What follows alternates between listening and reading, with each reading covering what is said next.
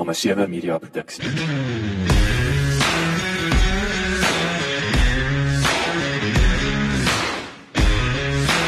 Welkom by die Klipkouer Spotgooi reeks waar ek gereeld gesels met entrepreneurs en impakmakers ten einde die beste praktiese advies met jou te deel.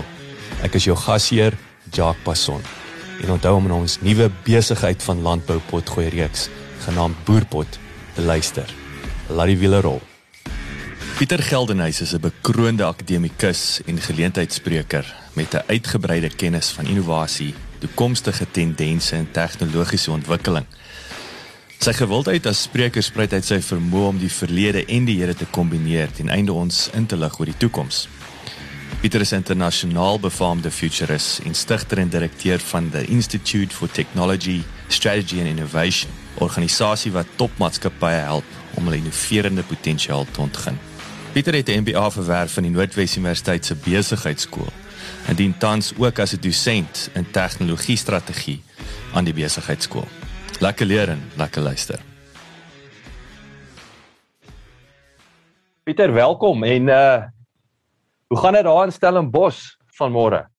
Want ja, die wind waai. Hulle sê die wind begin gewoonlik hier in ehm um, in Augustus en hou hy vir 8 maande aan om te waai.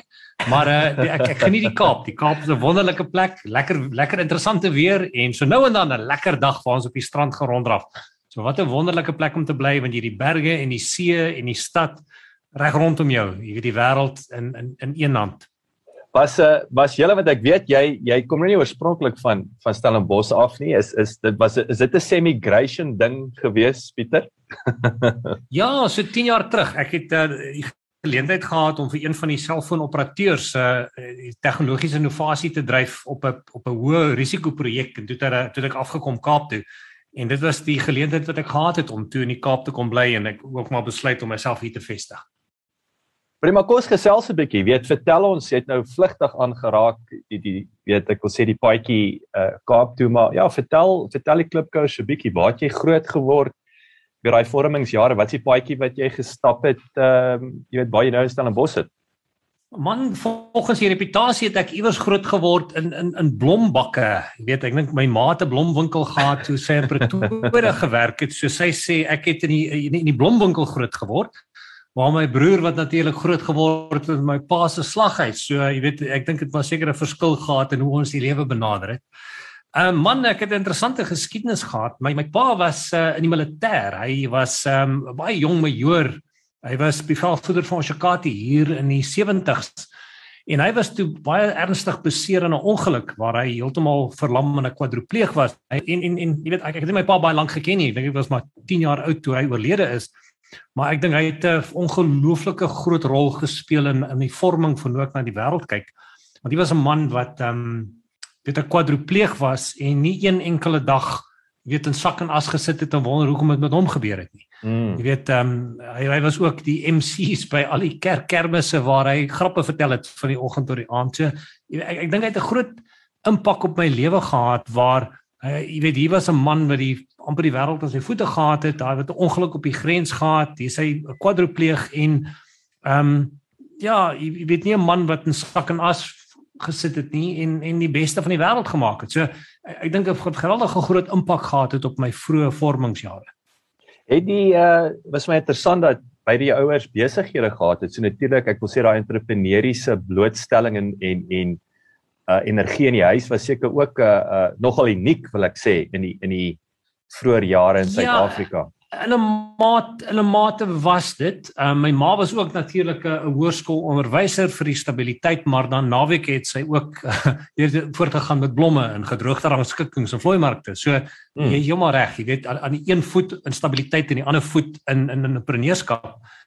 En ehm um, ja, so ek ek dink dat uh hulle hulle die geleenthede gebruik het om vir hulle gesin te sorg en maak nie saak wat in die pad gestaan het nie hulle het seker gemaak dat ons nie ehm um, enigiets het om te vra nie. Jy weet so ek, ek dink werklik daai entrepreneursiese siening was daar, maar miskien met 'n ietwat van 'n versigtigheid om seker te maak dat jy nie heeltemal blootgestel is aan die aan die winde van buite nie. Mm. -hmm.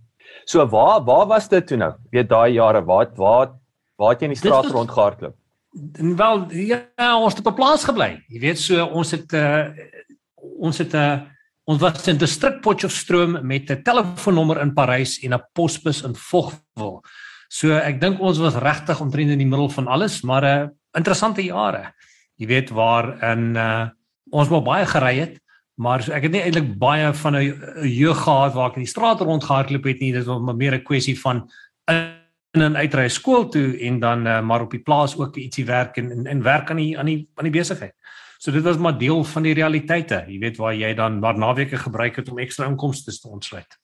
Waar wat eh, waar het jy skool gegaan? 'n skool met die naam Ferdinand Posma en hulle het op daai stadium bekend gestaan as die enigste skool wat elektronika as 'n vak aanbied. So ons het daar elektronika, jy weet, gedoen op op hoërskool en ook my liefde vir die veld van elektronika daar gestel en ek het toe ook 'n elektroniese ingenieur geword waar ek toe op Potchefstroom elektroniese ingenieurswese gestudeer het na die tyd.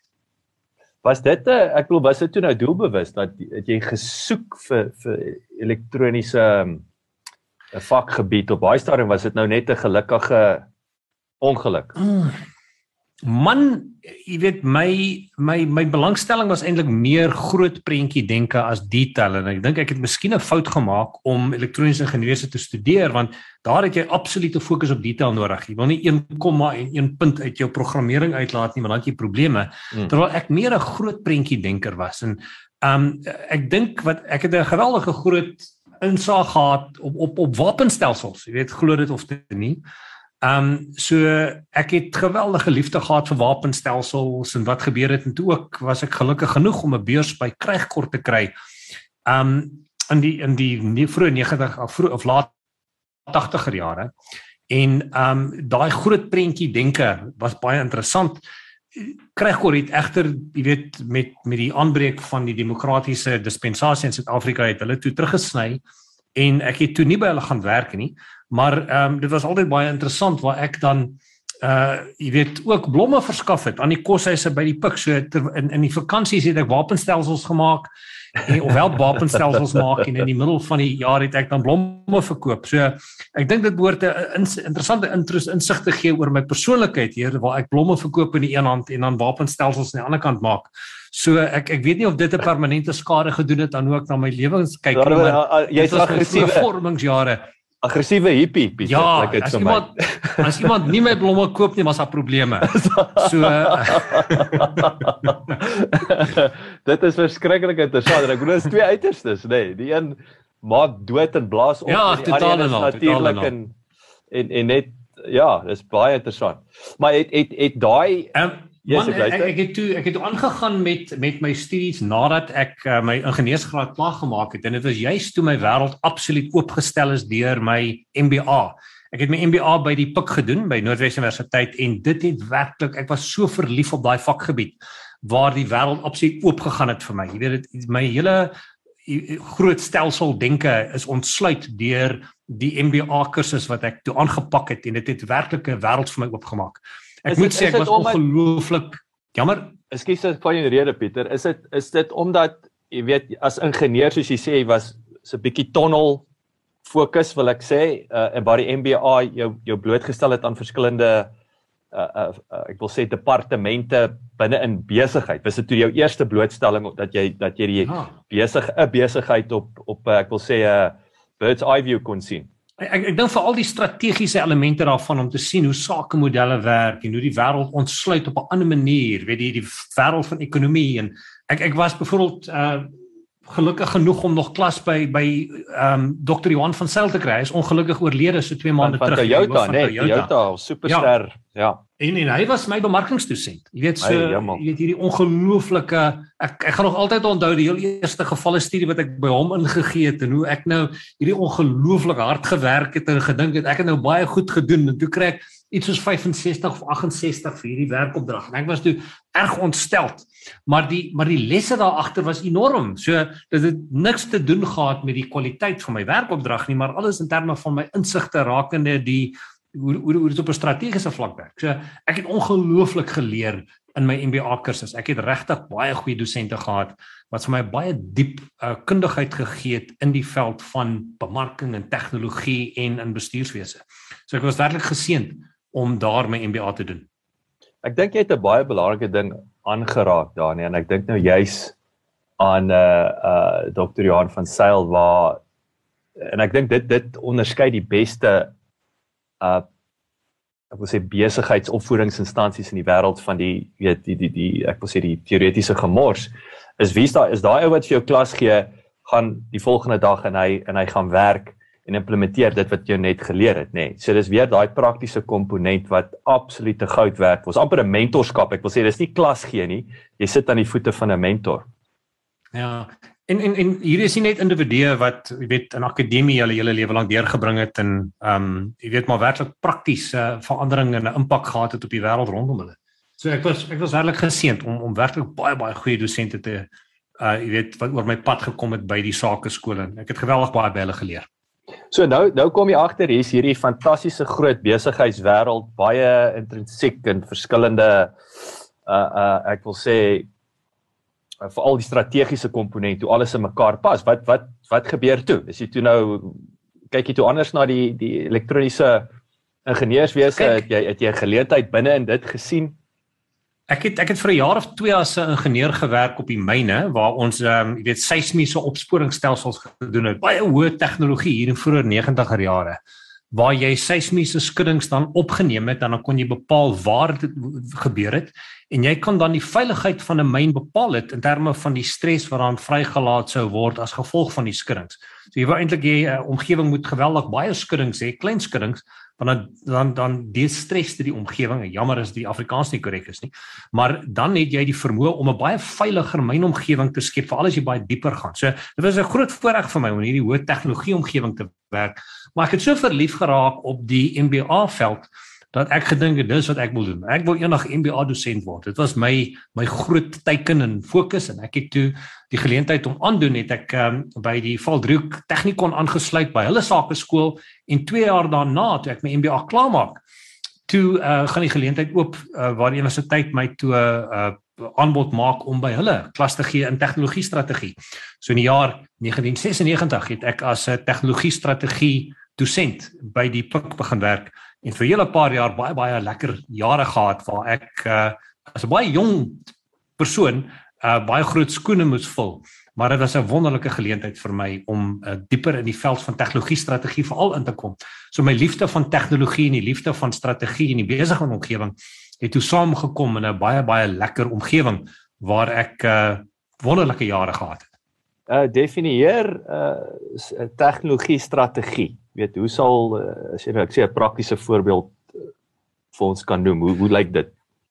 So jy moet besef die tegnologie waarna 'n ingenieur kyk is heeltemal anders as die omgewing waarin jy daarna kyk as 'n strateeg. Want alhoewel die tegnologie dieselfde bly en verbeter verander die dinamika daarvan in die mark dramaties. Jy weet jy kry tegnologie wat in 'n garage gevorm word en dan gaan dit deur 'n hele paar fasette soos dit in die mark vrygelaat word en vrygestel word. Daar het jy 'n dieper kundigheid van antropologie nodig, jy het 'n dieper kundigheid van ehm um, jy weet menslike stelsels nodig, jy het 'n idee nodig rakende strategie en bemarking. So al die elemente wat jy normaalweg in 'n MBA sou gebruik, maar waardeur 'n vinnig veranderende omgewing gaan, want soos jy tegnologie uitrol in die mark, is daar 'n dramatiese dinamika wat natuurlik begin verander. Kom ek noem byvoorbeeld die uitrol van die bedryfstelsel op selfone. Jy weet hierdie vroeë uh of die laat 80er jare was daar omtrent 6 of 7 van hierdie bedryfstelsels in die mark en nou is daar 2 oor. So wat is die dinamika wat jy het om jou suksesvol te maak in die begin? Wat wat is die veranderinge in die strategie wat jy het terwyl jy groei? Hoe verander die dinamika waar sekere standaardisasie na vore kom? Hoe maak jy jou beleggings? Ons praat altyd van die gorilla game of die king game. Dit is nou waar die verskil het tussen oop stelsels met oop universele standaarde of standaarde wat gefokus is op die van 'n wat 'n maatskappy besit. So ons ons is in 'n geweldige interessante wêreld waar ons in 'n totale dinamika ingaan waar nuwe standaarde, nuwe tegnologieë, nuwe geleenthede na vore tree en waar jy na die horison kan kyk en waar die swak syne wat jy tans optel in hierdie horison vir jou baie interessante geleenthede gee wat in die volgende paar jare ontsluit word. So aan die een kant het jy baie dieper kundigheid nodig hoe om strategie deur sy groeifases te vat en tegnologie daarmee saam die die die die, die hele basis van tegnologie strategie is dramaties anders as die bestaande bestuur van normale besighede. Weet jy hierdie die verskillike vinnige verandering in die markdinamika, in die struktuur van die organisasie, die waardeketting, die strategiese posisionering, dit is 'n kontinuerlike verandering. Dit is nie stabiel nie. En daai element beteken ook dat jy baie dieper kundigheid van kompleks aanpasbare stelsels moet hê. So jy kan nie na die realiteit rondom jou kyk as 'n 'n fisiese stelsel waar jy kan voorspel wat die uiteinde van jou aksies is nie. Hier is jy in 'n omgewing waar die aksies wat jy het absoluut onvoorspelbaar is en dat jy in 'n omgewing van eksperimentering moet ingaan met waarskynlikhede eerder as sekerhede. So aan die een kant werk jy met sekerhede want dit is waar ingenieurswese jou neem, jy weet met die wêreld waar jy fisika ontvorm en tegnologie in. En aan die ander kant sit jy in 'n omgewing waar die aanvaarding van 'n tegnologie nie noodwendig deur die mensdom, jy weet, uh, of deur die mark aanvaar gaan word nie hmm. en waar jy 'n totaal ander element moet na vore bring en dit is 'n dieper kundigheid van die antropologiese gedeelte van tegnologie aanvaarding. En dit is eintlik waar tegnologie strategie gaan. Dit is hierdie wye wye veld wat gaan vanaf die uh nou gesette ingenieursdissiplines en projekbestuur na 'n totale dinamiese kompleks aanpasbare stelsels vir die aanvaarding van nuwe tegnologie standaarde en alles tussen dit. So dis 'n geweldige wye veld en ek was absoluut mal daaroor want dit het ongelooflike nuwe insigte en uitdagings gebring in terme van die studie die bestudering van hierdie veld. Kan kan jy vir ons 'n ek wil nog terugtrek nog bietjie dieper. Jy weet jy as jy praat van die tegnologie as soks, wat wat praat ons hier? Is dit 'n is dit 'n sagte ware stelsel? Hoe lyk hierdie? Wat is 'n tipiese handelsmerk wil ek sê? Wat is 'n besigheid wat 'n spesifieke stelsel ontwikkel en hoe word hy toegepas? Um kan jy vir ons 'n paar sulke voorbeelde uittrek van okay, ons weet baie ons moet gaan, maar wat is hierdie tegnologie presies? Kyk, jy kry maatskappye wat nuwe tegnologie skep. Nou, ou Max Frisch was baie interessant in sy definiering daarvan. Hy het gesê technology is the way we structure the universe that we don't have to experience it. ons kan nou in 'n diep debatte ingaan. Ja, ons eie realiteit. Hmm. Ja, ons kan baie diep ingaan oor wat is tegnologie en wat is tegniek en wat is nie. En en dit en dit baie diep debatteringspunte. Die die veld van tegnologiebestuur is die skepping van nuwe tegnologie, maar ook dan die bestuur van tegnologie in 'n optimale omgewing om dan ander elemente van jou besigheid te optimaliseer. So daar daar's 'n nuance verskil. Aan die een kant is dit die die skepping van die nuwe tegnologie en aan die ander kant is dit die gebruik van tegnologie om dan bestaande prosesse te optimaliseer en partykeer op sy kop te keer. Hmm. En ek dink veral in terme van digitale transformasie kan jy dit sien. Jy weet jy kan of tegnologie inbring om sekere prosesse te verbeter. Jy kan tegnologie inbring om 'n totale waardeketting te verander en die waardeketting op sy kop te keer en en jy kan dan tegnologie gebruik om die sakemodelle van totale industrie te verander. So eh, dit is nie baie maklik om dit te definieer nie. Jy jy jy jy praat eenvoudig van wat is die vlak waarop jy tegnologie aanwend om die wêreld daarbuiten te verander. Kom ek gee vir jou 'n voorbeeld. Jy kan byvoorbeeld nou met jou slimfoon bepaal via 'n algoritme of iemand 'n hartaanval gaan kry of nie in die volgende halfuur deur die ja. veranderinge in sy hartklop. Hmm. En deur duisende mense wat alreeds deur die proses is en die data bymekaar gemaak is, kan jy met 'n baie hoë mate van sekerheid agterkom of iemand wel 'n hartaanval gaan kry. Nou kan jy die sakemodel verander. Nou kan jy sê, kom ek bring 'n diens uit waar jy inskryf teen 500 rand 'n maand en ons stuur 'n ambulans na jou toe voordat jy die hartaanval kry. Hmm. En ons spuit jou in en ons vat jou hospitaal toe voordat jy die hartaanval kry. Nou nou nou dink aan die implikasies van die sakemodel. Wie die tradisionele harthospitaal maak sy geld nadat jy die hartaanval gekry het. Hier's 'n sakemodel wat sê nee, ons gaan jou stop voordat jy hartaanval kry en ons inkomste is hierdie maandelikse tarief wat jy vir ons betaal. Ons gaan jou baie langer laat lewe en ons gaan jou help om nie hartaanval te kry. So hmm. weer hier sien jy 'n voorbeeld van 'n tegnologie wat nie net jou waardeketting verander. Alles verander. Die tyd, die plek, die instansie, die uh konstellasie, die akteurs, alles verander binne in daai ekostelsel. Maar dit verander ook die totale industrie sakemodel. En ons sien dit al hoe meer en meer na vore tree wat tegnologie dramatiese veranderinge op sakemodelle het. Nou, as jy mense nou dink, hey, Noordwes Universiteit het die pik ons het 'n baie sterk agtergrond in in landbou, maar in die volgende paar jaar gaan jy jou vleis uit 'n bioreaktor uitkry en dit gaan baie meer gesond wees en baie meer ekologies vriendelik wees as om jou vleis op 'n koei te groei. Jy weet so eh, vleis in bioreaktors gaan dramatiese impak hê in die volgende paar jaar en watter impak gaan dit op die waardeketting hê van byvoorbeeld die vleisprodusente en die en die vleisverskaffers? Tyd vir 'n Het jy geweet insetsel? Gekultiveerde vleis is egte dierevleis wat geproduseer word deur diereselle direk te kweek. Hierdie metode van produksie elimineer die behoefte om plaasdiere te teel vir voedsel. Gekultiveerde vleis word vervaardig van dieselfde seltipes wat in 'n soortgelyke struktuur as dierlike weefsel gerangskik word om sodoende die sensoriese en voedingsprofiele van konvensionele vleis na te boots. Die vervaardigingsproses begin deur die stamselle van 'n die dier te verkry en daardie selle word dan gegroei in 'n bioreaktor teen hoë digtheid en volumes. Soortgelyk aan die binnekant van 'n die dier se liggaam word die selle gevoer met 'n suurstofryk selkweek medium bestaande uit basiese voedingsstowwe. So, ehm um, dis maar net een voorbeeld van hoe die wêreld dramaties in die volgende paar jaar gaan verander. Jy het uh, wat vir my onmiddellik uh uh uh in my kop op opgepop het toe jy nou praat. Ek het selfs gedink dit is 'n Suid-Afrikaanse konteks uh alhoewel jy het nou van beeste gepraat, het dink ek aan sekuriteit, nê. Nee. Ek het ek onthou 'n gesprek wat ek met ouens gehad het wat jou facial recognition sagte waar ons weet 5 5G natuurlik bring daai vermoë uh uh maar nou praat hulle van daai sentrale uh uh operation centers. Ek weet in ek wil is algemeen. Ek dink veral met die mynbou is dit ook sentrale punt. Daai skelm stap in die winkel in. Ons identifiseer hom toe hy instap en ons begelei hom sommer uit. Met ander woorde, ons skeer hom nog voor hy die eerste ding gaan steel of moeilikheid maak. So dit klink vir my daai is ook 'n baie goeie voorbeeld van hoe sekuriteitstegnologie uh ontwikkel beter word, maar natuurlik die hele ding op sy kop gaan draai.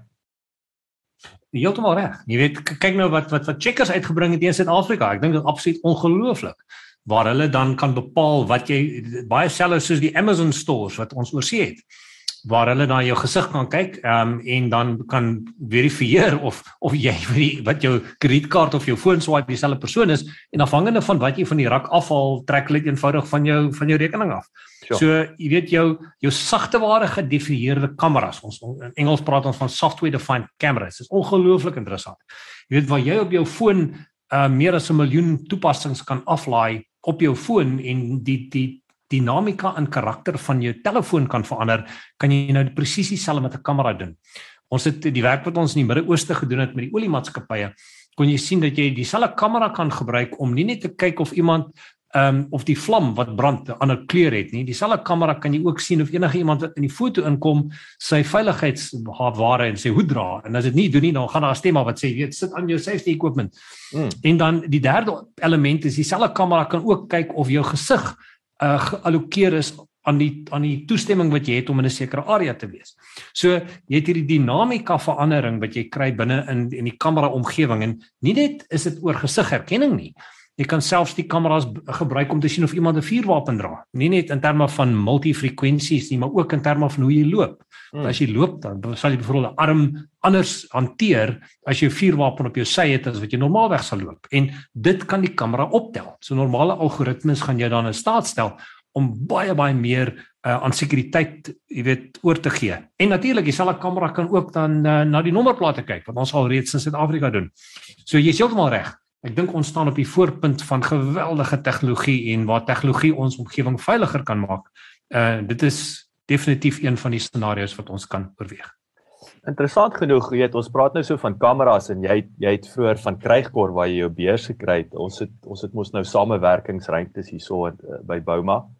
Uh en een van die uh, besighede wat hierso by my kantore hier is ehm um, hulle bou die kameras vir gevegshelikopters in die Midde-Ooste, maar wat nou interessant is, ek ek ek sê altyd ek paraphrase nou die kamera se vermoë. Ek sê 'n kamera wat op 2 km by jou neus kan opkyk, maar wat nou interessant is, is daai militêre tegnologie is hulle besig om te ontwikkel vir huishoudelike gebruik. So dit is ook vir my 'n fascinerende tendens dat en ek dink dit selfs met soos Formule 1, jy weet met met al hierdie uh, tegnologies gedrewe sport wat daai daai tegnologiese ontwikkeling uh, vind sy pad terug na die padkar toe.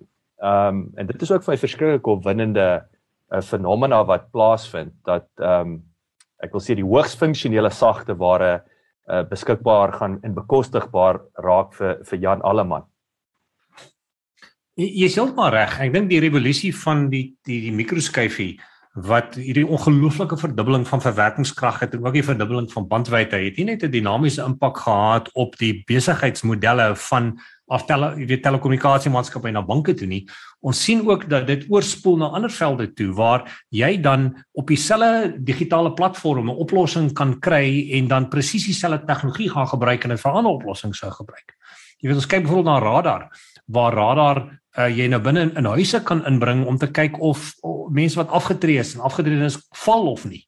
So jy weet dis daai koppelvlak tussen 'n 'n liggaamsensor 'n infrarooi sensor en 'n kamera wat 'n bietjie indringend is, maar hierso is 'n sensor tussen die twee wat eintlik 'n radar is. En nou kan jy 'n radar gebruik om jou gerus te stel dat dat jou dit jou ouers wat veral jou afgetrede ouers, jy weet, uh, nog veilig is en, en of hulle nog 'n goeie kwaliteit lewe het. Baie interessant waar hierdie tipe tegnologie ontsluit en uh, en nuwe forme aanneem. So jy is heeltemal reg. Die tegnologie is absoluut vloeibaar En as die tegnologie eers 'n deurbraak het, is daar geweldig baie makliker aanpassings omdat die kostes van transformasie van een industrie na ander so goedkoop is as gevolg van die feit van hierdie uh verwerkingskrag wat amper in oorvloed rondom ons beskikbaar is.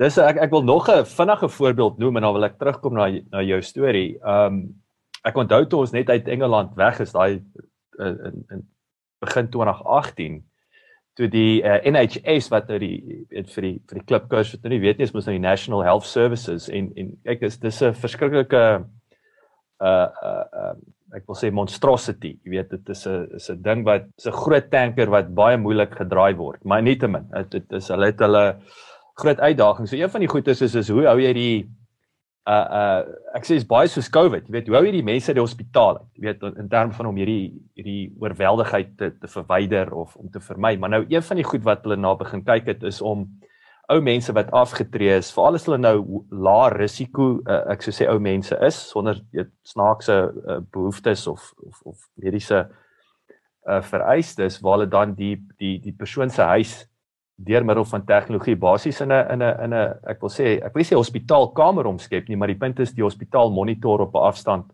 uit 'n sentrale punt wat gaan in daai huis aan en hulle weet as daai ou mens val of iets snaaks gebeur ehm um, maar hulle vat basies hulle huis en natuurlik die voordeel daarvan is die ou mense is gemaklik is hulle huis wat hulle nou al 30 jaar in bly maar dat jy daai tegnologie na die huis toe kan vat en in dit omskep wil ek sê in 'n in 'n hospitaal uh waar hulle gemonitor word uh ja, daaglikse basis. En dit en, en is heeltemal reg, jy weet die draagbare tegnologie wat ons het gestel ons in staat, net soos die voorbeeld oor die hartaanval waaroor ek gepraat het. Jy hoef nie meer in dieselfde plek te wees om dieselfde dienste te lewer of analises te doen in die verlede nie. Daar's 'n totale ontkoppeling tussen inligting en die fisiese konstruk waar dit in die aan die verlede vasgeketting was.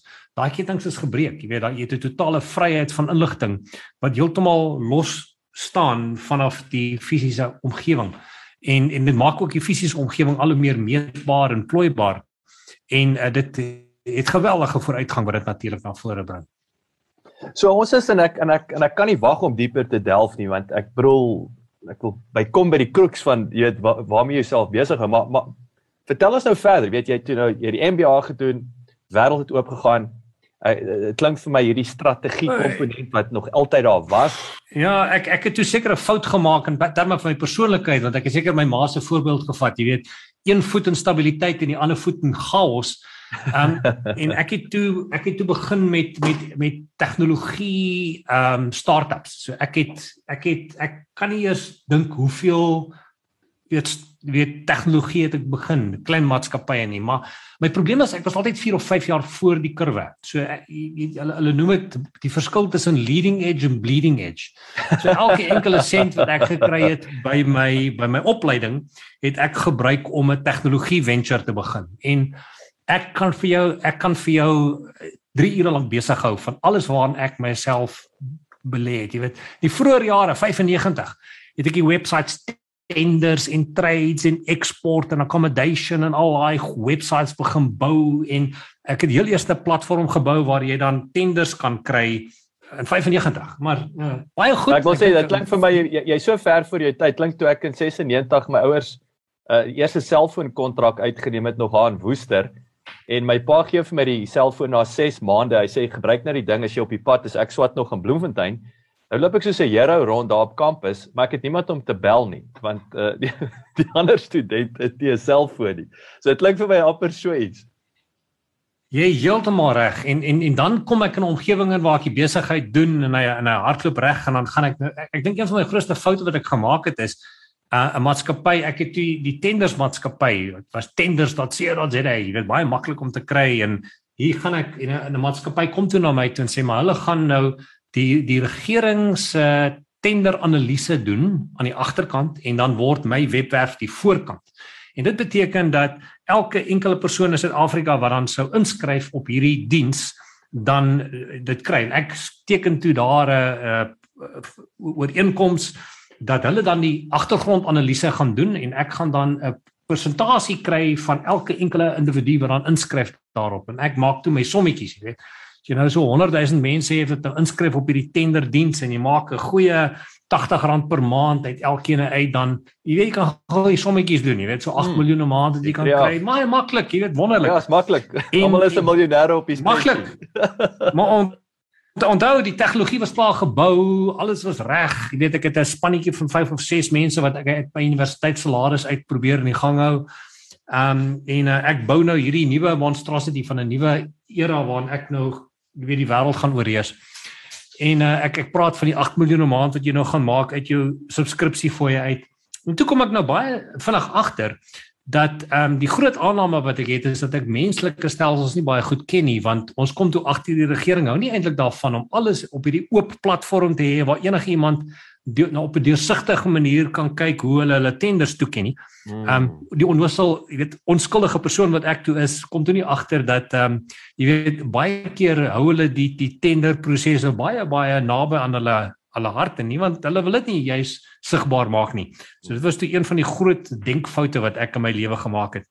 En uh, die klomp geld wat ek daar spandeer het, het toe, toe nie op 'n op 'n goeie rendement afgeloop na 'n paar jaar nie is daai as jy ook so nou terugkyk met met die fout wat jy gemaak het dink jy dit was ook ek wil sê dat daai beta komponent was nooit daar nie. Om om net daai of wat is nou die nuwe daai buzzword daai minimum viable product nee MVP om te sê ons toets net so 'n bietjie in in hierdie geval kom ons gechat gou met 'n paar regeringsamptenare en sien wat gebeur. Is ja. ek voel jy dis dis waar die dinge dalk jy is heeltemal reg Jy weet ek het so 4 of ek het so 5 600 kliënte gehad op daai stadium wat en en ek het 'n hele span gehad wat al die koerante deur gegaan het en alles ingetik het op die rekenaar in en ek het probeer om koppelvlakke te kry na ander stelsels om dit dinamies te doen maar dit is nou ek het werklik die goed wat gepubliseer is deur 'n span is dan ontleed en ingetik en en die mense het dan elektronies via e-pos hierdie inligting gekry maar dit was nou laat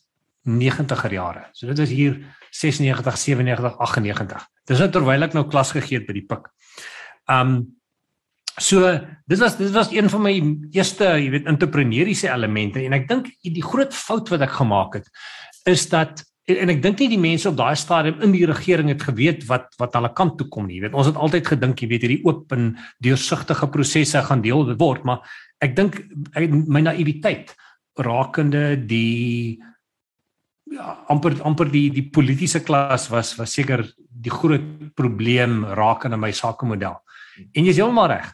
Ek dink is een van my grootste foute dat ek amper 'n 'n 'n sakemodel binne 'n bubbel geskep het en toe dit met die realiteit weet ontmoet toe werk die realiteit in my kop en die realiteit in in die praktyk nie baie goed met mekaar nie. Mm, mm, mm. Wat is jy as jy terugkyk, weet daai's nou 'n fantastiese voorbeeld. Ehm um, en en natuurlik ver voor jou tyd nie. Ek bedoel is as as jy begin van webwerwe praat in 1995 96, dis werklik ek wil sê dit was amper seker van die eerstes uh, in Suid-Afrika en nie die wêreld nê wat wat daai ding begin. Ek wil sê die die die die die die .com bubble begin opblaas het. Um watse ander uh uh, uh tegnologie tegnologie startup het vir jou uitgestaan as jy nou terugkyk waar jy dink hel daai dinge dalk traksie gehad of ek Ek ek was net hopeloos te het, vroeg. Is daar niks wat uitspring nie? Ek het ek het met dating apps begin op SMS en ek het met um uh, iets van soortgelyks soos WhatsApp is het ek hier in 2004 2005 begin skryf op die ou Symbian fone en dit was nou regtig bleeding edge Want vir elke enkele foon moes jy 'n aparte applikasie skryf omdat daar geen stabiliteit was nie. Jy weet dit mm. was hierdie oorgangsfase vanaf jou slim vanaf jou normale fone na jou feature fone na jou slimfone toe. Nou voordat ons by slimfone hier in 2008 2009 uitgekom het, het ek in 2004 2005 met hierdie model gewerk dat SMS'e te duur is en daarom kan jy dan hierdie applikasie op jou ding. Ons het dit WMS genoem, jy weet vir uh waar jy stem kon stuur of fotos of wat ook al. So mm. presies soos wat WhatsApp nou werk, maar ons het dit toe ek het dit 2004 2005 gebou. Maar mm, dit was miskien miskien moet ek 'n bietjie teruggaan op die tydlyn. Ek dink een van die interessante dinge waarmee ek besig was was RSG se multimedia projek. So hier in, in 1998 ehm um, jy weet dit dit my eerste huwelik uh, gesneuwel en um, kom ons brei nie liewer op daai ene uit nie. Maar toe, jy weet, toe besluit ek net nee, ek moet iets doen met my lewe wat my uit hierdie uit hierdie denkpatroon van negativiteit sou neem. En ek bel toe vir Andre Kutse by RSG en ek sê vir Andre, hey Andre, ek het 'n klomp oulike goed wat ek julle van vertel. En ek het net gehoop, jy weet, hy hy gaan miskien 'n gesprekkie of twee doen. En op daai punt vra hy toe vir my om 'n weeklikse praatjie te hê op te kry op RSG. So ek het toe elke maandagmiddag op daai stadium met ou Andre Kutse begin gesels en toe baie groot vriende geword met die mense by RSG. En daar was 'n 'n stasiebestuurder met die naam Sarel Meiburg wat 'n ongelooflike versiende, jy weet 'n individu wat ongelooflike waarde toegevoeg het tot die Afrikaanse taal. Maar ons het toe saam met hom die heel eer, die uh, die RSG multimedia projek geloods. Nou dis in die jaar 2000, hè. So ons het op op op TV uitgesaai. Ons het op selfoon die web applikasie gehad en ons was en ons het gestream op die op op rekenaar. Die jaar 2000. Ja. Dit was die tweede radiostasie in die wêreld wat dit gedoen het. Die eerste was daar Deutsche Welle in Duitsland. Nommer 2 was RSG in Afrikaans. Kan jy? Ons het 'n multimedia radiostasie ongelukkig onder die vaandel van die SAK en hmm. hulle het dit na 10 maande het hulle die TV uitsending op DStv gestop. Uh, soos wat ek en jy nou so praat met 'n mikrofoon en die die video's rondom ons wat jou podcast het was dit die tweede radiostasie in die wêreld wat op die DStv kanaal uitgesaai het waar jy na RSG kon kyk en luister die tweede radiostasie in die wêreld RSG so ongeloof dit was my baie lekker projek om betrokke te raak. Dit was in die jaar 2000 En ehm um, dit was vir my baie interessante projek. So ek het ek het ou ou Sarel vertel. Dis hoe die toekoms gelyk. Die toekoms gaan jy nie meer radiostasies hê soos wat ons dit ken nie. Jou radiostasie gaan op jou telefoon wees, op jou selfoon wees en jy kan bepaal wanneer jy na iets wil luister en jy gaan met jou foon kan praat en sê jy weet speel hierdie en jy weet hier in die jaar 1998 het mense my was skeef aangekyk. maar dit was deel van van die projeksies wat ons gedoen het. Ook en akkurate akkurate projeksies. Wel, jy weet dit was dit was dit was die, onthou in daai jare by die by Noordwes Universiteit het ons 'n uh, toekomsdenke of 'n stelseldenke kursus gehad in die laaste jaar. En toe het hulle gevra ons moet hierdie projeksies in die toekoms skryf. En toe skryf ons dit. Jy weet, so ons het 'n klomp van daai projeksies geskryf. En toe het ek dit aan aan Sarel vertel of hom gesê, jy weet in die toekoms gaan alles die internetprotokol wees. Jy weet, ver, vergeet van die verskillende protokolle, die televisie, radio, alles gaan internet wees. So verstaan dit en hy het dit gekoop. En ehm um, dit is op daai op daai aanbeveling wat hy toe die RSG multimedia projek toe geloods het wat 'n geweldige interessante projek was. En ek is baie jammer daaroor want weer eens was dit, jy weet 'n idee regtig 10 jaar voor sy tyd. Wel is interessant nou, nee, maar 22 jy, jaar terug, né? 22 ja, jaar terug. Wel jy praat nou so, nê? So ek dink nou jy praat van Sarel, uh, ek dink aan 'n ander Sarel, Sarel Du Plessis wat wat die hoof was van uh voor hy afgetree het van Groot FM. En as ek dink dit is wat Groot FM uh, eh, nou suksesvol reg kon kry was ja. ehm ja. um, uh, en ek weet nie baie ouens besef dat RSG natuurlik as jy gemeenskapsradiostasie is, moet jy ek dink 65% van jou inhoud moet plaaslik uh of in jou gemeenskap gegenereer word. Aan die ander word dis hoekom jy nie in elk geval nie jou jou uitsendingskapasiteit, jy kan nie uh uh uh, uh vir baie sekere radius uh, uitsaai nie, maar meer belangrik as jy nie daai gemeenskapsinhoud skep nie dan dan vat hulle jou lisensie en en, en natuurlik het Sarel hulle uh met met uh, Karen Meyering hulle en so aan dis hoekom Groot FM uh, tussen 6 en 8 in die oggende mos nou op op op kyk net is maar die die punt is ja. hulle hulle het 'n gemeenskapsradiostasie 'n nasionale uh 'n dekking gegee wat ek dink baie uh, skerp is en natuurlik maar weer eens weet alle krediet aan julle ouens. Julle dit julle dit uh, was ver voor julle tyd uh, met dit ongelukkig ja, net onder die uh, verkeerde vaandel. Korrek, uh, jy weet in in in in die jaar 2008 maande na die tyd toe toe sny die SAK daai daai daai televisie toe sê hulle net hulle wil nie met die kompetisie saamwerk nie. Jammer, jy weet hulle gaan nie inhoud vir die kompetisie gee nie. Ek het gedog so kortsigtig. Ja. So ek ek dink jy weet dit is maar een van die nadele wat jy het in 'n korporatiewe omgewing waar hulle eenvoudig maar net nie die groot prentjie kan raak sien nie.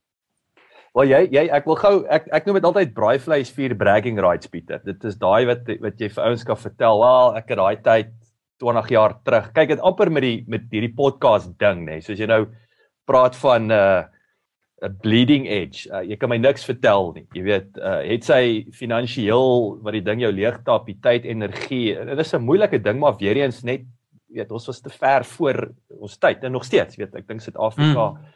Is ten minste nog 3 tot 5 jaar agter uh met met hierdie hierdie tegnologie. Of sal ek sê selfs die weet hoe gebruik jy hierdie tegnologie? Soos enige Willie Wally kan in 'n mic en praat. Wat is die strategie daar agter maar ek wil jou nou vertel van my braaivleisvuur bragging rights so ek kom toe in die Kaap aan in 2000 En ehm um, ek het jou genoem ek ek het nou afgeforseer soen toe en een van my ou koshuispelle bel my en hy sê toe hier's 'n start-up.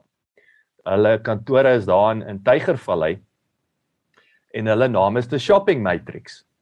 En uh, ek sê toe okay, wat doen hierdie ouens? Hy sê nee, is online shopping. En ek sal nooit vergeet toe ek na die webwerf kyk, ek hoor eendag toe 'n uh, um 'n onderhoud met die met die die die CEO of die founder op daai stadium En hy sê toe nee, hulle hulle investeer meeste van hulle geld in distribusie en ek dink, "Jesus, dis hierdie ou is skerp want e-commerce kan nie werk sonder goedkope en effektiewe distribusie nie." En soveel so het ek aandele gekoop in hierdie. Gelukkig nou nie, jy weet, verskriklik baie nie. Ek wil sê dis daai geld wat ek wat ek kon vergeet van. Maar ek het in 2000 basies Suid-Afrika se eerste Amazon wil ek sê, het ek was dit net vir my nou breiner dat hierdie ding moet werk. Min weet en dat hulle ek dink hulle was op sigself ook uh, natuurlik min mense weet van Shopping Matrix. Hulle was hulle was so een voor op Kalahari.net en Kalahari.net wat éventueel 'n Takealot sou word. Um maar ja, dit was um dit was soos ek sê, dis een van my braaivleis vier bragging rights om te sê ek kon sien wat kom. Maar ja, ek het nie meer my geld met die aandele wat ek gekoop het nie. En nee, kyk as ek as ek moet optel wat is wat het ek jy weet as ek my geld uh beter kon spandeer in die lewe was ek al 'n baie ryk man want ek het toe uh, hier in 2003 het ek die Instituut vir Tegnologie Strategie en Innovasie begin. Ek het uh, op daai stadium deeltyds by die PIK klas gegee en die PIK het toe besluit nee maar hulle gaan nou van tegnologie strategie as 'n kursus ontslaa raak. Uh omdat jy weet as jy deeltydse dosent is en al die ander ouens is voltyds dan is dit maar makliker om van van die een ontslae te raak vir die deeltydse dosent. Hmm. En ek het toe daai kundigheid na die mark toe geneem en met maatskappye soos Absa Bank en Vodacom en Telkom gaan praat en sê maar wil hulle nie kursusse bou rondom hierdie kundigheid nie want dit gaan oor tegnologie op 'n strategiese vlak. En um, op op die vroeë jare het ek toe met 'n hele klomp nuwe kursusse begin en dit is nou 18 jaar terug. En uh baie baie goed gedoen. Geweldig goed gedoen. Ek dink in die afgelope paar dekades het ons amper meer as 5000 mense opgelei en omtrent 130 van die groepprojekte is as innovasieprojekte binne hierdie maatskappye uitgerol. En uh ongelukkig vir my uh jy weet dit was baie gelukkig want ek het geweldig goed gedoen daarmee en en baie studente gehad en hard gewerk. Maar uh ek het natuurlik al die wins daarvan gevat en dit teruggeploeg in ander startups in. So ek moet vir jou sê as ek terugkyk na die hoeveelheid geld wat ek geblaas het op startups dan uh, het ek miskien daar 'n traumatiese jy weet 'n dramatiese paar probleme gehad waar ek dit beter kon belê op ander plekke. Maar uh, ek ek koop heeltemal wat jy sê rakende die belegging in nuwe tegnologie. Jy duidelik eh, jy het letterlik klasgeld betaal klink dit vir my nê. Nee, oh, letterlik. Nee, okay. Maar maar, ek, maar so so net okay, so ek wil nou kom ons weet gaan 'n bietjie dieper daarso. So die ironie natuurlik, ek wil sê blessing in disguise dat hulle ontslaag geraak het van die deeltydse dosent. Klink dit vir my. Nee, kyk ek eh, wel, ek het nog steeds uh, aangebly maar ander kursusse aangebied en um, so dit is net jy hierdie hierdie tegnologie, ja. Want ek het ek was aangestel initieel as 'n dosent in produksie en in tegnologie bestuur en toe in die jaar 2000 het ek toe uh, my eie ding gaan doen vir 'n paar maande. Daar wou ek begin met um om omgewingswebwerwe. Die ek ek was die registrateur van city.za. So ek wou amper 'n webwerf omgewing vir elke jy weet stad munisipaliteit en dies meer uitrol. Uh baie baie naby aan die Google Maps omgewing waarin jy nou weet en waar jy amper 'n of of die Green Door. Daar's 'n nuwe webwerf en naam Green Door amper 'n dis is 'n buurt om is 'n buurt sosiale netwerk. Maar ek het toe 'n bietjie meer in probleme ingehardloop met ehm um, die die gebruikregte van die webwerf en uh ja wel 'n goeie jaar na die tyd na ek 'n klomp geld op spandeer het, het Unisa my genader om um, by hulle te kom klas gee in die veld van e-besigheid. So ek het toe in die jaar 2000 teruggegaan akademie toe en toe daar uh, weer eens uh en, en toe was ek 'n dosent by twee universiteite. Ek was toe by die Sakeskool van die Nisa en ek was toe 'n deeltydse dosent by die PIK vir deur al hierdie jare. Wat wat is jy ek jy, jy weet omdat jy omring kom ek vra so. Jy weet as 'n dosent jy jy jy's besig met 'n uh, op daai stadium weet met baie belangrike uh um sal ek sê inhoud, toekomstige inhoud wat groot impak het, baie prakties. Help dit om hierdie klomp studente? Is daar daai incubator sinergisme faktor waar jy sit met hierdie hierdie ek wil sê goedkoop breine om jou. Binne in die uh kyk daar daar was 'n klomp geniale studente wat ek op universiteit daar gehad het en party van hulle het multimiljardêers geword. Ek weet ek's baie spyt ek het nie baie nouer bande met hulle gehad nie. Vriendeliker gebeur. Het het het, het Ja nee nee kyk eh, maar maar daar was daar's regtig mense wat ongelooflik goed gedoen het in die veld en en hulle het ehm um, hulle die die regte tyd, die regte kundigheid op die regte plek uitgerol. Ehm um, ek het in 2005 toe uh was daar 'n groep van Vodacom en toe as 'n dosent gee ek toe hierdie ouens 'n oh, harde tyd, jy weet. En uh, toe na die tyd toe kom Eleanor kry na my toe en sê vir my maar hoekom het hy nog nie van my gehoor nie? Hoekom gaan kuier ek nie vir hom nie? Sê ek maar ek het nie geweet nie. Toe sê ek sê oor die oor die heuwel, so kom kuier vir my. Hmm. En toe het hy my uh aangestel as 'n strategieadviseur vir Vodacom. So tussen jare 2005 en 2011 was ek die tegnologie strategieadviseur uh in Vodacom op 'n kontrakbasis. So Ehm um, jy weet ek het toe my akademiese aktiwiteite bietjie afgeskaal. Ek het nog steeds by die instituut klas gegee waar en indien nodig. En 'n baie goeie vernoot van my, Steve Venter, hy het toe die bestuur van die instituut oorgeneem en ek het toe meer indeels uh by die klasgee betrokke geraak op tegnologie strategie, maar toe ehm um, aan Vodacom 'n klomp raad gegee rakende die ontsluiting van nuwe inkomste strome. Was was jou plan van die begin af? Wou jy altyd jou een voet in die in die en ek wil nie sê die akademie hou nie, want hierdie is nie akademies nie. Uh, ek wil sê dit dit dit is dit is juist nie teorie nie. Was dit vir jou belangrik om een voet daar te hou? Was dit ek wil sê daai opleidingspassie? Uh of was daar 'n voordeel om om om naby die universiteit te beweeg in terme van jou denke, ehm um, jy weet, groei ensovoorts en natuurlik die entrepreneursiese kant waar jy nou jou eie faktuur ja. daar kon genereer en uitstuur. Wou jy daai balans handhaaf of was dit was dit en of of was dit later ek wil nou klaarmaak met die universiteit kan? Kyk ek ek, ek hou baie van die ek, van die omgewing van akademie, maar ek wou dit regtig prakties maak. Ek ek het seker maar 'n tekortkoming gehad en en, en hierdie was seker 'n persoonlike tekortkoming, jy weet, omdat ek my pa verloor het op 'n baie vroeë ouderdom, het het ek gevoel ek moet myself op 'n manier bewys. Jy weet, ek kan nie aan 'n maatskappy gaan advies gee as ek nie ten minste alreeds my eie sukses gehad het as 'n maatskappy. Jy weet dit was 'n baie interessante soekundige evaluasie. Hmm. Soos jy weet wanneer is ek goed genoeg om advies aan iemand te gee? Jy weet eh, en en ek het gevoel deur net by universiteit te bly en net akademiese kundigheid te hê is nie voldoende nie. Jy weet jy, jy het 'n ander mate van jy jy jy het jou sergeantstrepe nodig voordat hmm. jy jy weet in die offisier rang, range ingaan. En en ek dink dit was seker 'n nadeel aan my kant. Die ander kant van my het ek verskillik maklik verveeld geraak en dit het 'n verdeling veroorsaak in terme van wat ek gedoen het vir 'n lewe.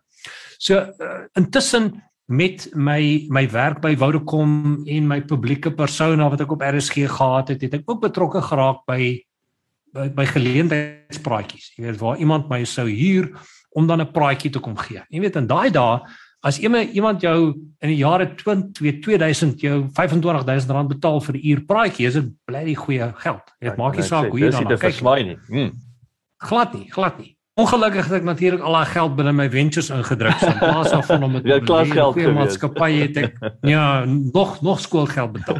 Soos ek sê, ek wil nie nou in diepte ingaan oor al die ander goed waarna ek betrokke is nie. Ja, ja. Maar op 'n stadium het ek regtig hierdie vier persoonlikhede gehad. Jy weet aan die een kant was ek 'n universiteitsdosent wat deeltyds klasse gee het en die tweede deel was ek hierdie entrepreneur wat hierdie hoë tegnologie goed gedryf het. Aan die derde kant was ek 'n strategie adviseur by Vodacom Um jy weet waar ek 4 dae van die week uh strategiewerk moet gee en in die, in die vierde kant was ek 'n publieke spreker. So, so in die middel uh 2000s was was dit my lewe. Ek het my regtig tussen daai vier rolle myself taamlik dun uitgebrei en ek dink dit was seker 'n fout in nabetragting want ek moes meer op een van hulle gefokus het as om al vier te doen. En um nou as jy vir my vra watter ene moes ek afsny, sou ek sê baie goeie vraag. Maar ek ek dink ek het vir 'n goeie 10, 15 jaar lank daai rolle probeer doen en probeer balanseer. En ek dink as jy in die middel van jou 30's is, het, het jy seker nog die energie daarvoor. Ek dink nou in nabetragting gaan ek nie meer die energie vir al al vier die rolle hê nie. Waar is die passie?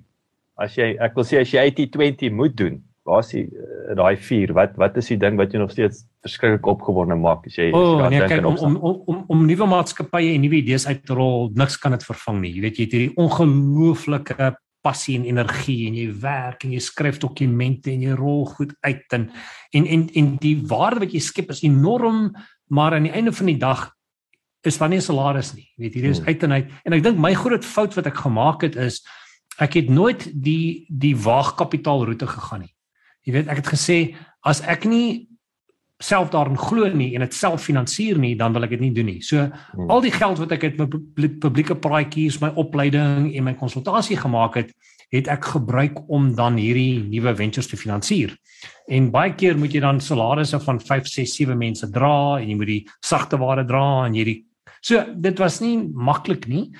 En daarom dink ek ehm um, sou die idees baie makliker in 'n waagkapitaal omgewing uitgerol geword het. So dit was regtig ongelooflik passievol om 'n nuwe maatskappy te begin en uit te rol en te skep in daai groeiperiode. Maar aan die einde van die dag geweldig baie energie en tyd en geld wat geen rendement opgelewer het aan die einde van die dag nie. So daar is maar voor en nadele. Dis nie jy weet uh, dis 'n baie onvoorspelbare omgewing en baie goeie skoolgeld aan die einde van die dag.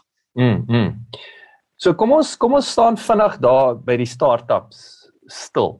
sien dit dat dit juis iets is wat wat jy weet vir jou jou groot plesier en in 'n uitdaging uh, gebied het en bied.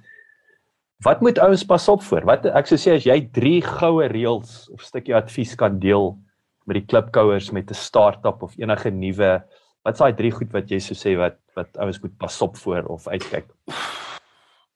jy weet moenie moenie dit in 'n bubbel doen nie. Gaan gaan gaan verstaan definitief jy verstaan die belangrike tendense wat die mark definieer.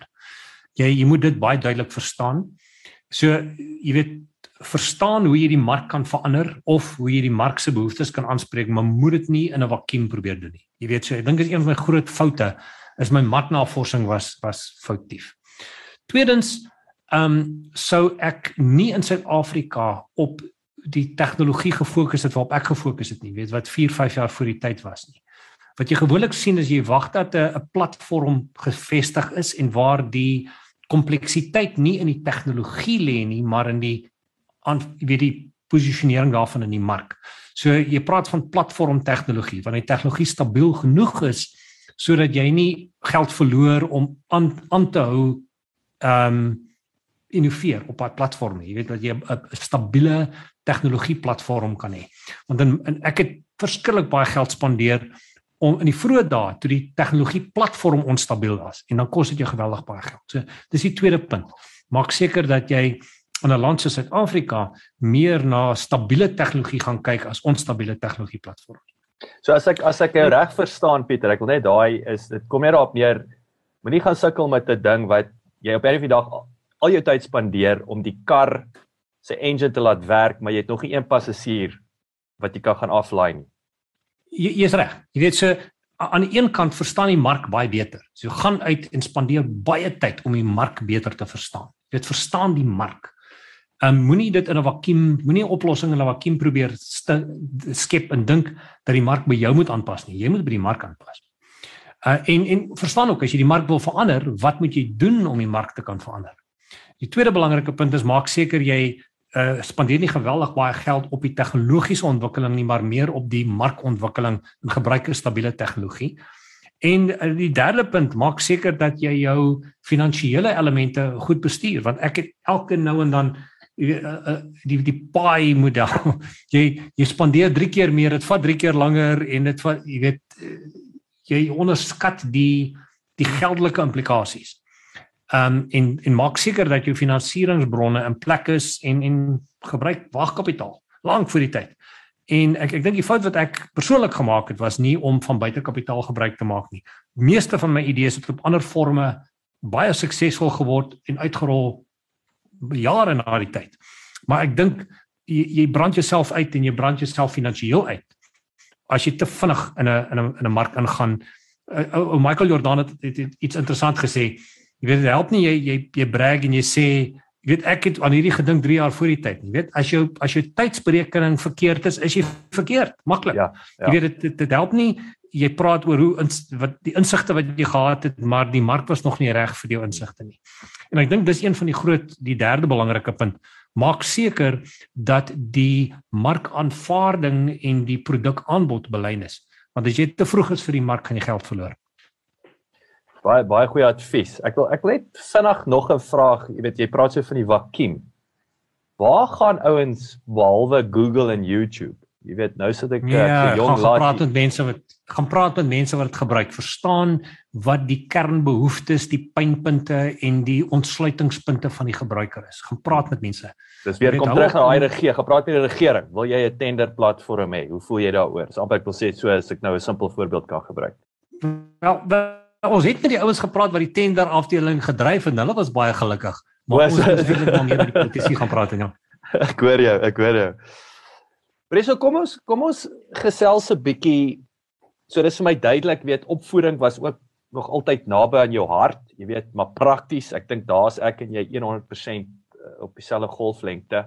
So kom ons praat futurism. So jy het nou toe nou betrokke geraak, jy weet, ek Vertel ons 'n bietjie meer nou, weet wat wat is futurism? Ek wil graag 'n bietjie uh ek weet nie eens wat die Afrikaans vir dit is nie. Jy weet vooruitkyk, opvoeding, weet hoe lyk opvoeding? Dis ook iets wat baie naby in my hart is. Ek ek dink veral met COVID nou 'n helse ontwrigting dink ek in in nie net of soveel te meer in jou uh uh um ek wil sê normale skoolomgewing en natuurlik jou tersiêr. Jy weet, so al daai goed is aan die aan die verander. Maar eerstens, vertel ons 'n bietjie meer van hierdie futurism ding wat wat ek aanvaar as jou core business. Is is is dit akkuraat? Ja en nee. Jy weet ek, ek het uh, na na baie jare en en struwelinge het ek myself toegegee om die instituut baie beter te bestuur. En ons doen nou nog geweldige groot opleidingsprojekte binne in die groot tegnologie maatskappye in Suid-Afrika en die Midde-Ooste. En ons doen ook 'n klomp werk in finansiële omgewing.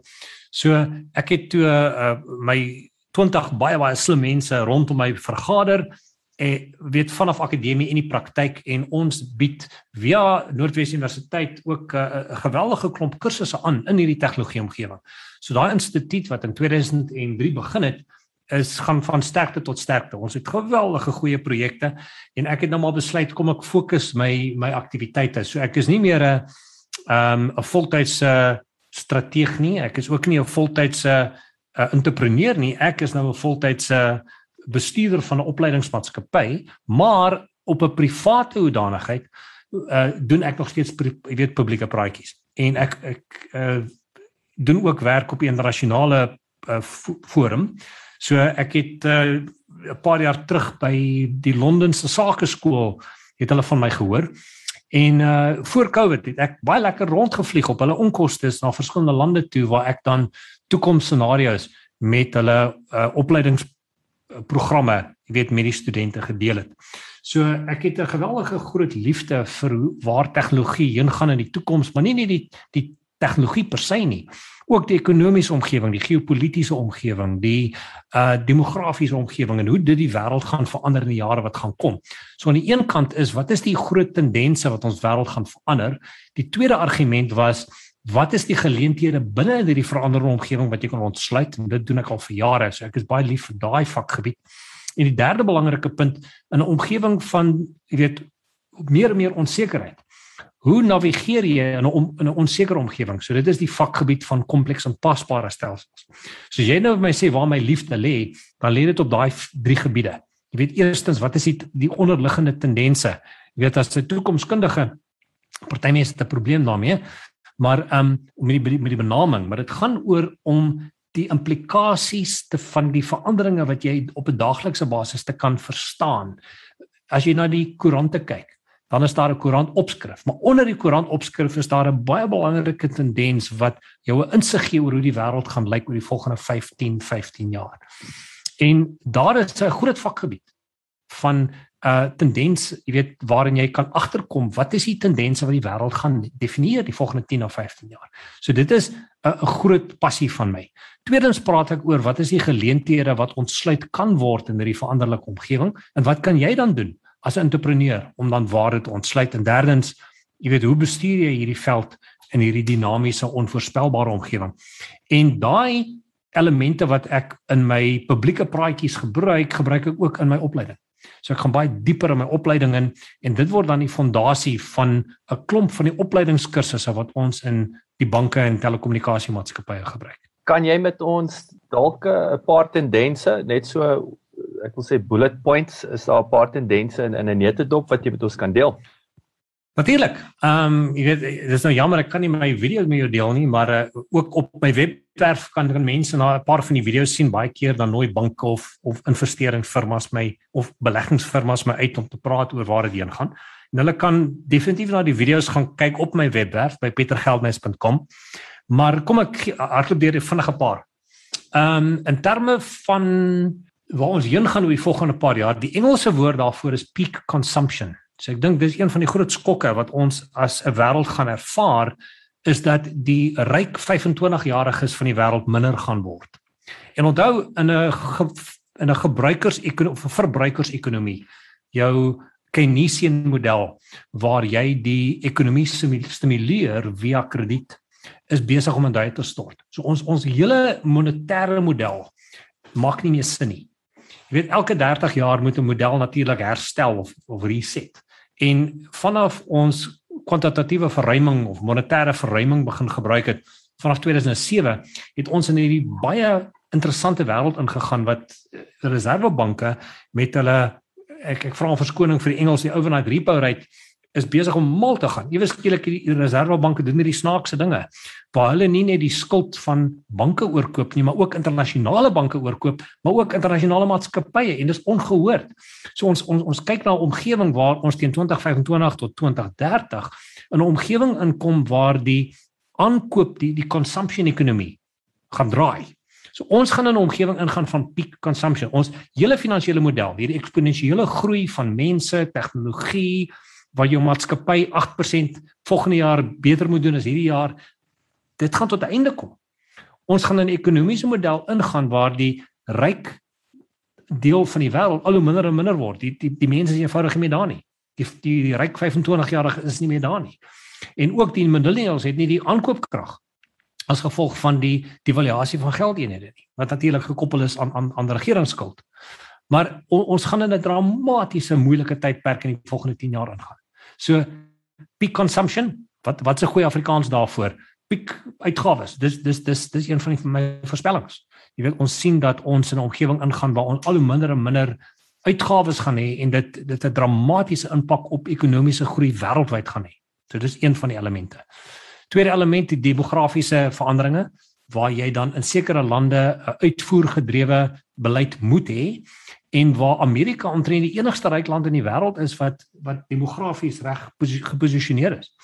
Wat beteken dat op 'n geopolitiese gebied en in terme van internasionale handel dit heeltemal anders gaan lyk. Die die die staatsskuld in Amerika kan natuurlik ook die einde bring van die Bretton Woods stelsel wat ons na kyk. En dit beteken dat die hele idee van jy bestel iets uit 'n ander land uit en die skeepweë is veilig en oop kan miskien tot 'n einde kom in die volgende 10 na 15 jaar waar jy 'n groter toename in byvoorbeeld seerowery gaan hê. Want as Amerika sy vloot intrek en as mense na Amerika se uh, blootstelling aan uitvoer en invoere gaan kyk. As jy Kanada en Mexiko uit die Amerikaanse ekonomie uithaal, is dit maar 5%. So as Amerika môre met die res van die wêreld sou stop om besigheid te doen. Behalwe nou Amerika, Kanada en Mexiko, is dit maar 5% van hulle bruto nasionale produk. En nou vra hulle self die vraag, hoekom moet ons die hele wêreld veilig hou as dit vir ons ekonomies nie meer sin maak nie? Nou, hmm. die oomblik as dit vir Amerika geopolities sin maak, dan sal hulle dit doen. En hulle het dit gedoen vir die argumente teen die Sowjetunie en hulle probeer dit nou doen teen China. Maar daar is werklik nie ekonomiese rede hoekom Amerika vlote rondom die wêreld moet hê nie. En dit gaan 'n dramatiese impak op geopolitiek hê en ook natuurlik internasionale handel. En dit dan moet moet jy natuurlik afspeel met die Belt and Road inisiatief van van die Chinese. So op op daai gebied sien ons dramatiese veranderinge. In terme van ons geldstelsels en geldeenhede sien ons dramatiese veranderinge en verskille. Ek voorsien 'n programmeerbare geldstelsel wat deur regerings uitgereik gaan word waarin hulle 'n outomatiese belasting gaan inhê. Kom ek gee vir jou 'n voorbeeld. In Amerika, ehm um, het hulle nou klop geld vir mense gaan staan en weggee.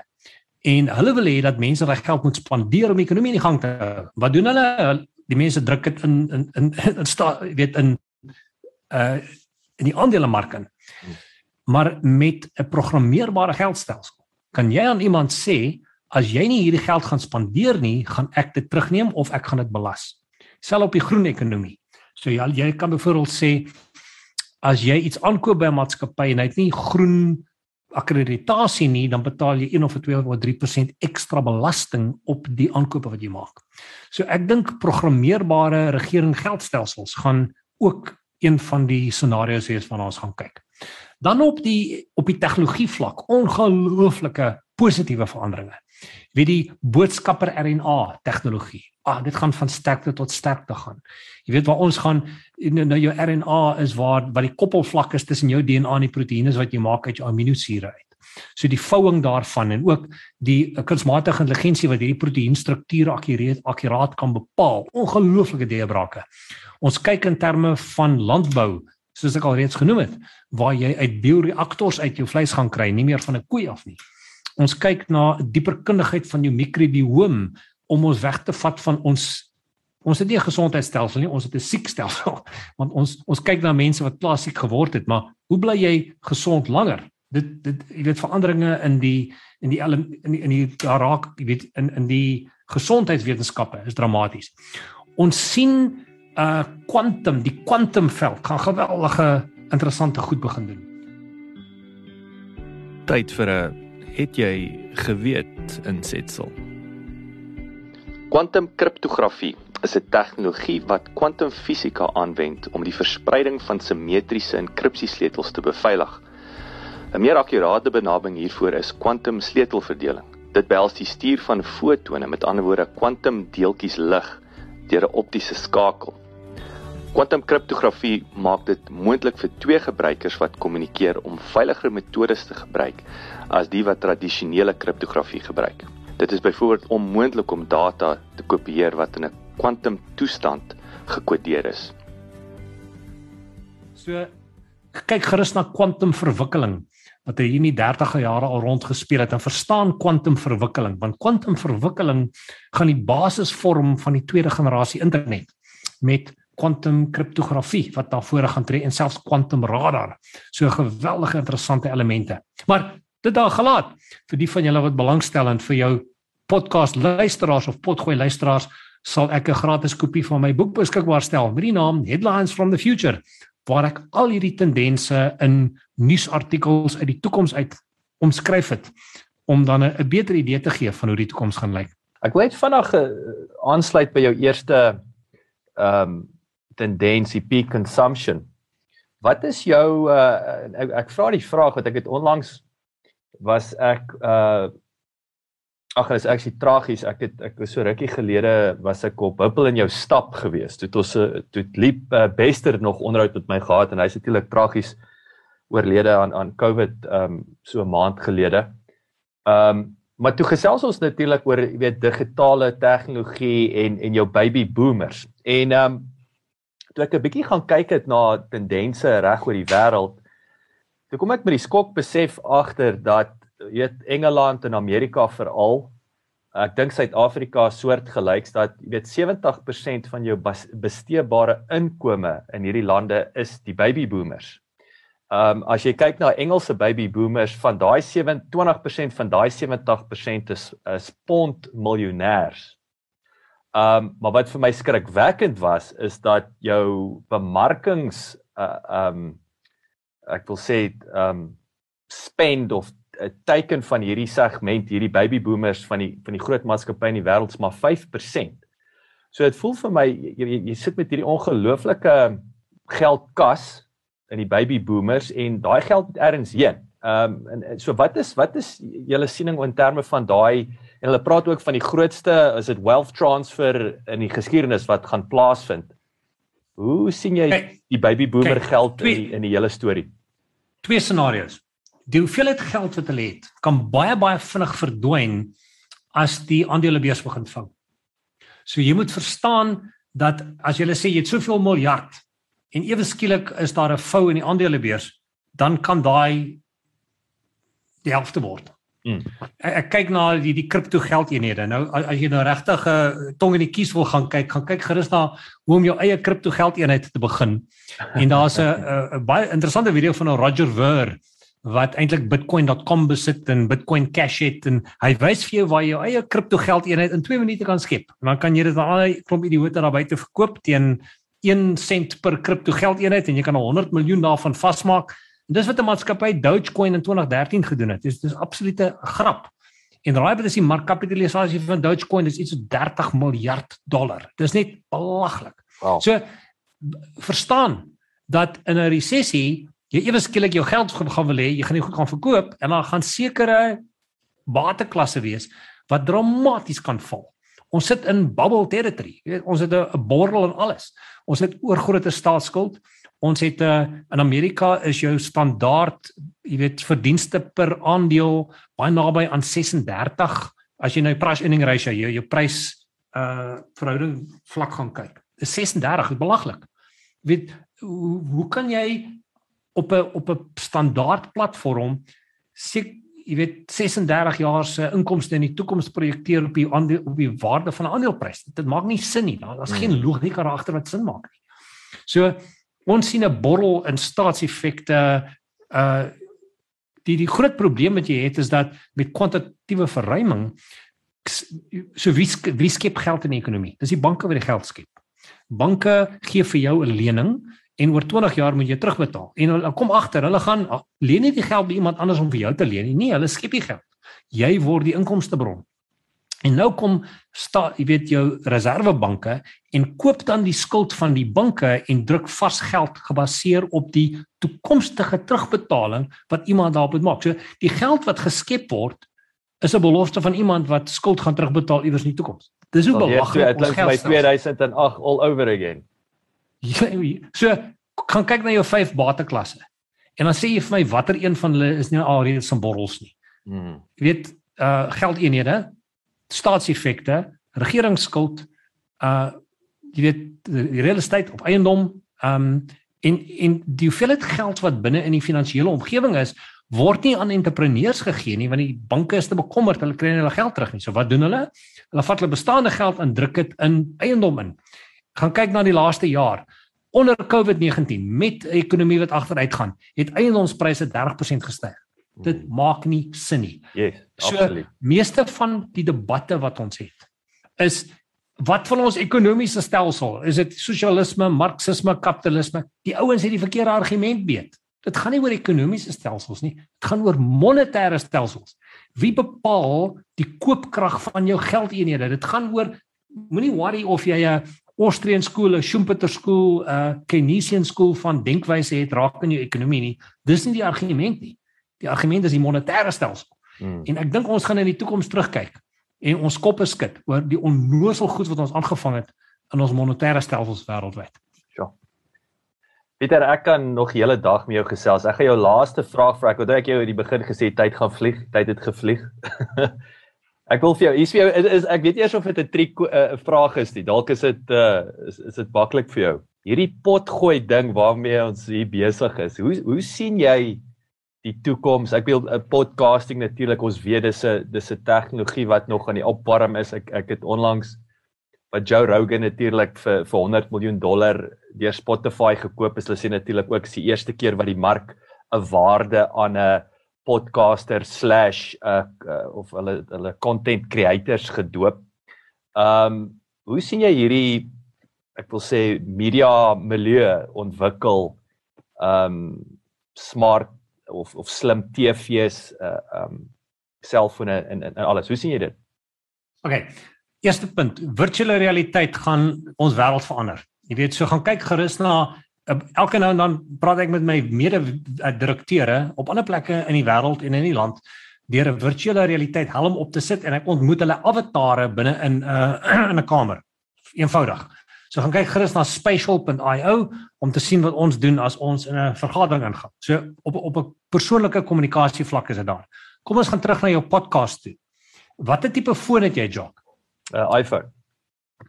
Ongelukkig die verkeerde tipe foon, maar nou ja, kom ons kom maar dan. So ek hoop jy het 'n Amerikaanse winkel en ek hoop jy kan Google Assistant of wat ek al aflaai. Ek kan nou met Google praat en en en, en raai hoe kry ek my nuus in die oggende?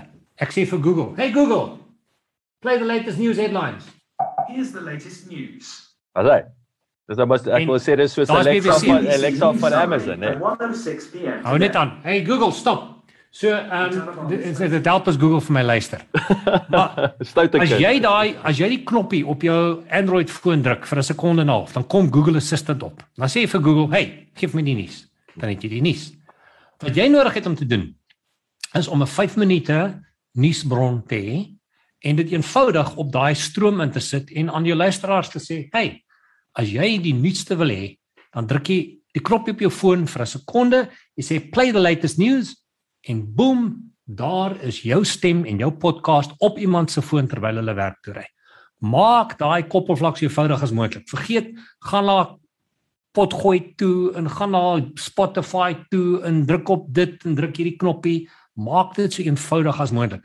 Waarom van as jy jou potgooi kan aktiveer sonder om 'n knoppie te druk? Dit hmm. eenvoudig met jou foon te praat en jy kan dit alreeds doen. So my aanbeveling en my voorstel aan jou is, miskien kan jy my help met die Headlines from the Future podcast. Dan kan ek dit begin en dan kan jy jou Afrikaanse een doen. Maar maak nog steeds ruimte vir hierdie 1 uur vir die persone wat wil agteroor sit en luister, maar fokus op 'n 5 minute fokuspunt en maak 'n deel van jou daaglikse interaksie en maak seker dit word deel van iemand wat eenvoudig met telefoon praat om dit aktiveer.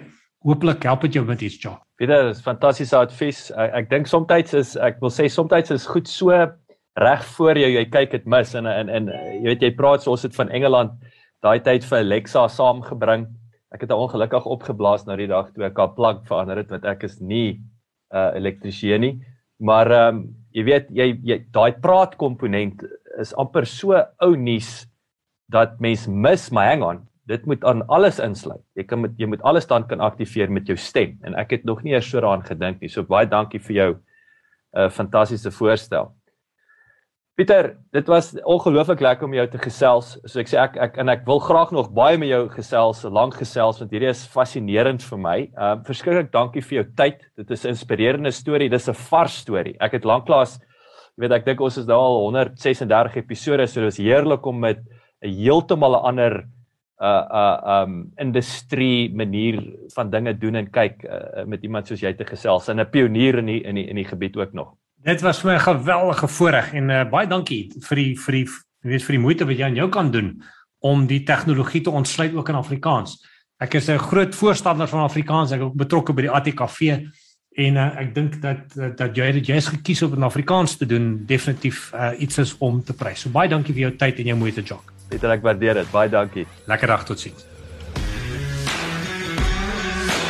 Baie dankie dat jy geluister het. Vir 'n opsomming en notas van die episode, gaan asseblief na ons webwerf www.klipkouers.com En teken sommer in terwyl jy daar is, dan kan ons jou gereeld op hoogte hou. Baie dankie.